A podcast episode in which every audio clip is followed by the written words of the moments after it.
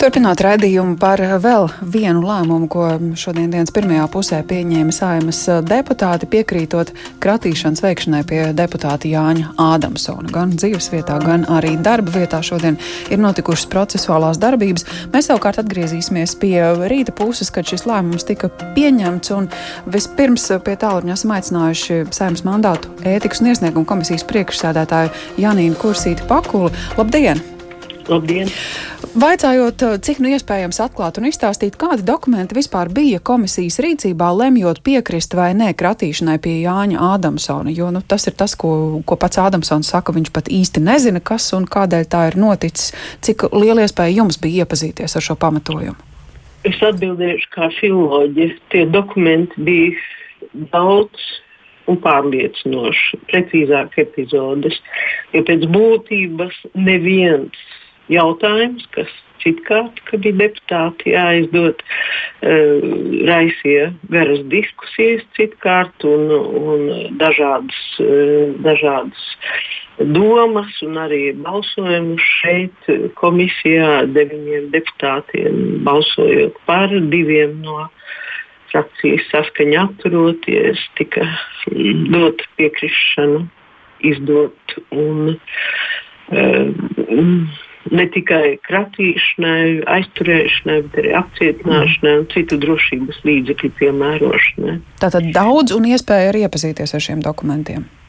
E, nu, ne, ne, detaļās, Jā. ne detaļās, bet uh, epizodes, kas tika uzskaitītas, tās bija pietiekoši daudz un pietiekoši uh, daļrunīgas, ja šeit šo vārdu mm. droši vien jāliek pēdiņās. Visticamākais. Līdz ar to pašu Jāni Ādamsonu aicināt un, un viņa komentāru lūgt mandātu komisijas sēdē nebija nepieciešams? Nu, šajā gadījumā mēs neesam, uh, mēs nevaram uzņemties uh, ģenerāla prokuratūras vai valsts drošības dienesta pārstāvju uh, funkcijas. Un uh, ņemot vērā, ka šī ir tik uh, jutīga lieta, iztaujāt jautāt, es domāju, mm tas ir pavisam citu institūciju jautājums, jo lieta uh, ir ļoti nopietna. Mm -hmm. Diemžēl. Paldies par šo sarunu, saku Janīnai Kursītai Pakulē, saimnes mandātu ētikas un iesniegumu komisijas priekšsēdētāja. Tātad um, apjomīgs. Uh, epizožu skaits, kas pārliecināja par labu šim lēmumam. Arī Saimnes Nacionālās drošības komisijas priekšsēdētājs Māris Kučīnskis pie mūsu tālruņa. Labdien! Labdien! Lūdzot jūsu palīdzību, mēģināt izprast, nu, cik Cik nopietna informācija varētu būt bijusi Jāņa Ādamsona rīcībā, ja reiz viņam nebija pielaides valsts noslēpumam, tiesa viņš bija Sājums aizsardzības iekšlietu un korupcijas novēršanas komisijas sēdēs. Nu, cik tādās sēdēs ir iespēja nodalīt slepenus dokumentus no tādiem, kas nav jātur prom no situācijām? Nu, es domāju, ka šeit pirmkārt ir uh, runa par pašu faktu un pats, pats uh, arī procesu. Es varu apstiprināt, ka uh, pamats tam visam ir pilnīgi pietiekošs. Un droši vien, ka tuvāk informāciju sniegs, sniegs pats drošības dienas tuvākā, tuvākā, tuvākā laikā. Bet uh, nu, tā īsti nodalīt, ko kāds sniegs, cik kvalitatīvi. Tā informācija, ko tādos gadījumos, tas, protams, droši vien var atklāties tikai kaut kādā procesa gaitā.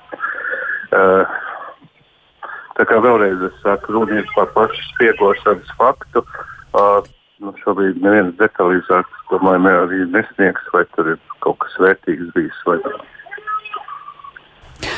Bet, nu, skatoties Es saprotu, ka drošības sargājošās iestādes ir tās, kas, kas šobrīd veic darbības, un līdz ar to precīzāka informācija ir jāgaida. Bet nu, tā, no, no skeptiķu viedokļa raugoties, uh, valsts aizsardzības budžets uh, tiek apspriests saimā, skaitļus mēs redzam, tāpat uh, militārie iepirkumi, um, taču pat medijos ir iespēja redzēt fotogrāfijas, redzēt video, kur Nacionālajie bruņotie spēki rāda, kādas ir tās tehnikas vienības, ko gribētu nopirkt līdz pat specifikācijas sīkumiem.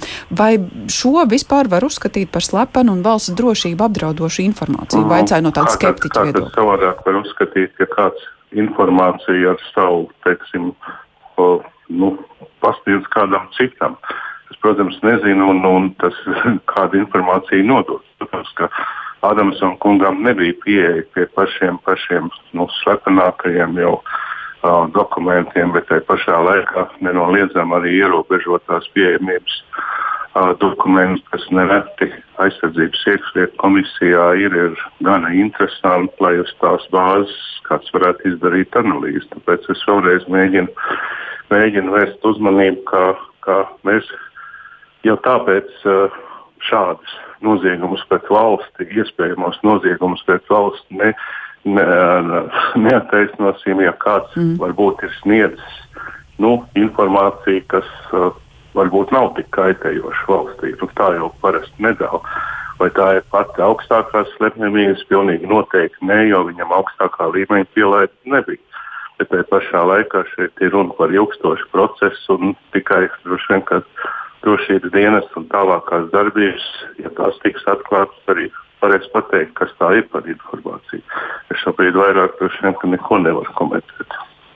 Bet nu, nav runa par, uh, par vienu gadījumu, vienu epizodi. Runa ir par, uh, ja tā var teikt, ilgstošu darbošanos. Uh. Nē, nu, protams, runa ir par daudzām epizodēm. Tikai nu, nenoliedzami tas. Krājums ir pietiekoši ir jau tik liels, ka es pilnīgi noteikti varu apstiprināt, ka pamats uh, aizturēšanai un šādām darbībām valsts drošības dienestam ir pietiekoši bijis. Paldies par šo sarunu, saku Sēmas Nacionālās drošības komisijas priekšsādātājiem Māris Kučīnskis pie pēcpusdienas programmas Tālruņa cik nu, saimnes deputāti var atklāt to informāciju, kas viņu rīcībā ir, kā pirms brīža Janīna Kursīta Pakula sacīja pēdiņās liekot. Gana daļrunīgi fakti, kas šodien saimnes deputātu viedokli diezgan pārliecinoši nosvēra par labu, lai atļautu ne tikai veikt kratīšanu, bet, kā dzirdējām, arī aizturēšanu, šajā lietā. Valsts drošības dienests ir bijis gan Jāņa Adamsona darba vietā, gan arī dzīves vietā. To apliecina arī citi mediju kolēģi. Droši vien gan dienas notikuma apskatā, gan arī vēlāk vakar ziņu raidījumos jau sekos arī video liecības, cik nu iespēja būs ieskatīties un cerams arī valsts drošības dienesta kaut nedaudz plašāku informāciju, jo tieši to valsts drošības dienests ir sacījis, ka ko līdz procesuālās darbības būs veiktas, iespējams arī plašāka informācija tiks sniegta par to, kas ir tās epizodes un lietas, par ko Jānis Adamsons šobrīd eh, tiek turēts aizdomās par eh, spiegošanu, par eh, kriminālu likuma noteiktu pantu, 85. pants, tā pirmā daļa, kur mm, pierādījumu bāze varētu nozīmēt arī brīvības atņemšanu. Maksimālais sots šai sakrā ir līdz pat desmit gadiem. Lieta, kam noteikti sekosim līdzi arī turpmākajos ziņu raidījumos.